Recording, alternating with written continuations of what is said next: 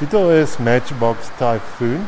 Ek dink half soos 'n band se naam, maar dit is 'n cool band se naam. Ek dink aan elke exhibition of body of work as as 'n skepping van 'n van 'n nuwe band. Dan gee ek dit 'n titel en dis 'n dis deel van my lewe vir die volgende 3, 4 maande.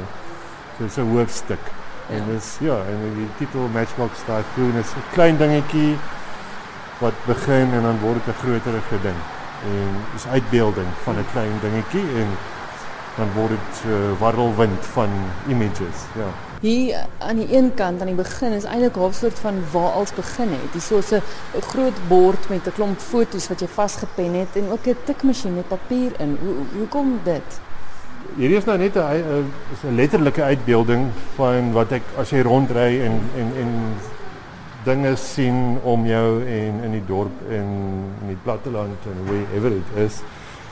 Ek het dan net toevallig in foto's wat net nou dit net ehm uitbeeld.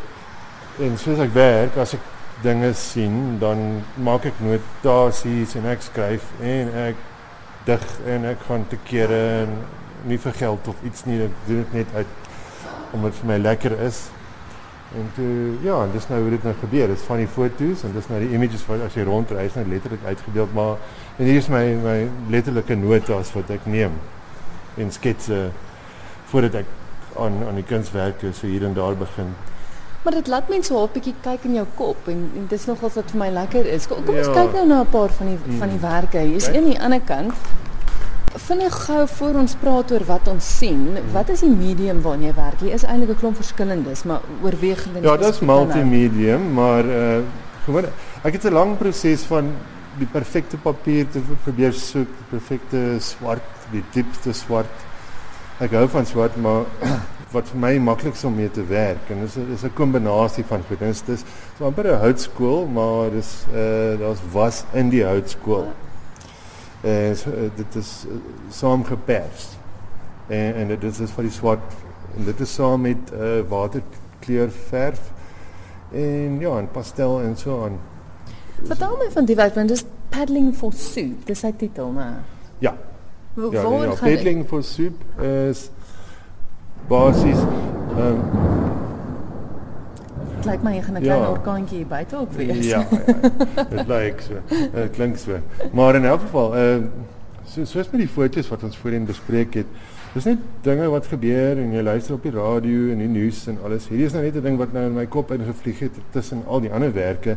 Ek was vies gewees oor die die die elektrisiteits wat se krisis in ons land en en hoe ons nou ek het 'n uh, halwe neiging dat ons nou amper vir slawe besig is om om om vir elektrisiteit te betaal en en, en niks daarvoor kry nie en iemand baat daar uit wat nie daar uit moet baat nie en dis dis uit uh hoe dit werk en Verduidelik ja. vir die luisteraars waarna ons hmm. kyk. Hmm. Ons kyk na 'n uh, 'n groot kragopwerker in die voorgrond en agter in die agtergrond is daar 'n diep gat waarin 'n man staan en op 'n installasie besig is om te trap en hierdie kragomwerker uh te laat draai en om hom is 'n hele klomp gloeilampe.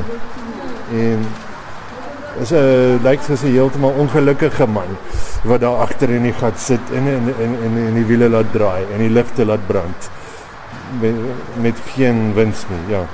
Dis omtrent ja. Dis nou een van jou sketse, maar as ek hmm. net hier agter my kyk ook, hier's 'n groot werk en aan die ander kant ook waar jy dis dis driedimensioneel. Asof jy 'n beeldhouwerk bo op jou jou canvases het.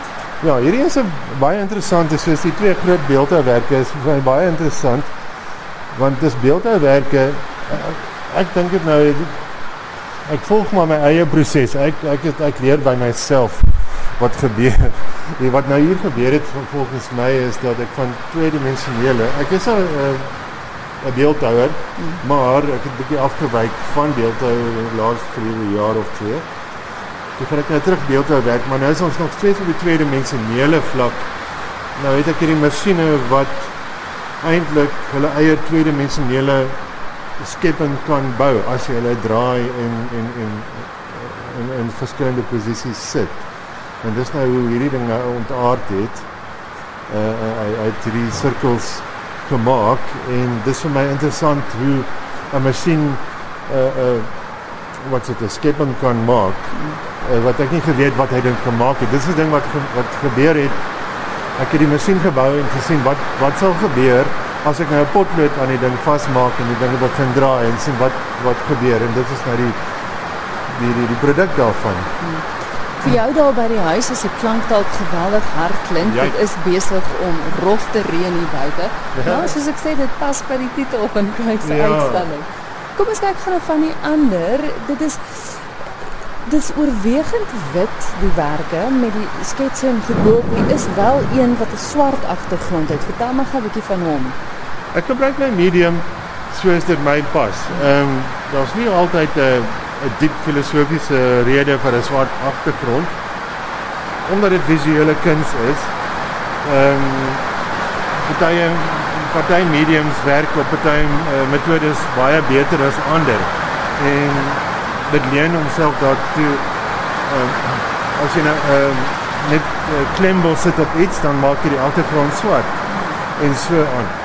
En as dit 'n baie donker onderwerp is, uh fisies of letterlik 'n donker medium dan is dit beter op 'n 'n witter of 'n ligter uh, agtergrond. Ja. Hierdie is nou drie figure wat lyk soos op 'n meganiese wipplank. Ja.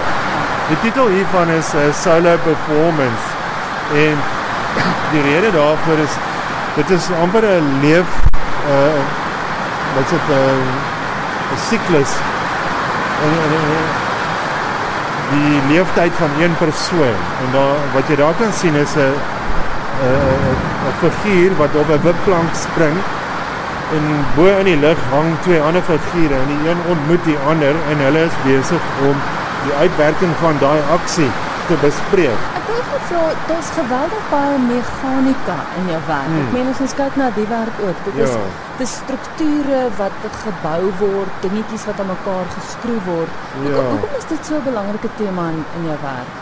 Of of iets wat gereed baie baie baie maklike rede is omdat om abstrakt uh, gewone idees uit te beeld vir my in plaas van om met woorde te stel en dan is dit moeilik en die die lewe my is baie abstrakt om om uh, uit te beeld. En dan so toe dog ek ek sal masjiene gebruik en masjienparte hulle het uitwerkings op mekaar. Hulle het allerlei vorms wat almal erken uh, of herken. En ons kan hulle gebruik en saammen om spesifieke uh, emosies uh, uit te beeld. Dan vat ek 'n spesifieke emosie of 'n 'n probleem of 'n filosofiese probleem, dan probeer ek dit uitbeeld. Iets wat my nou pla en dan probeer ek uitbeeld op 'n baie snaakse manier. En op die ou einde dit forceer my om te dink aan 'n beter manier om dit uh, uit te beeld en dan kom dit uit in masjinerie. En dit en dit is vir my baie lekker want dit die die die die die die vlakke en die die die die wat is die objekte wat jy gebruik is hulle hulle pas baie in mekaar en jy kan nie daar's nie dis nie iets vaag nie. Dis 'n landskap of 'n figuur van 'n mens of iets. Dis dis baie duidelik.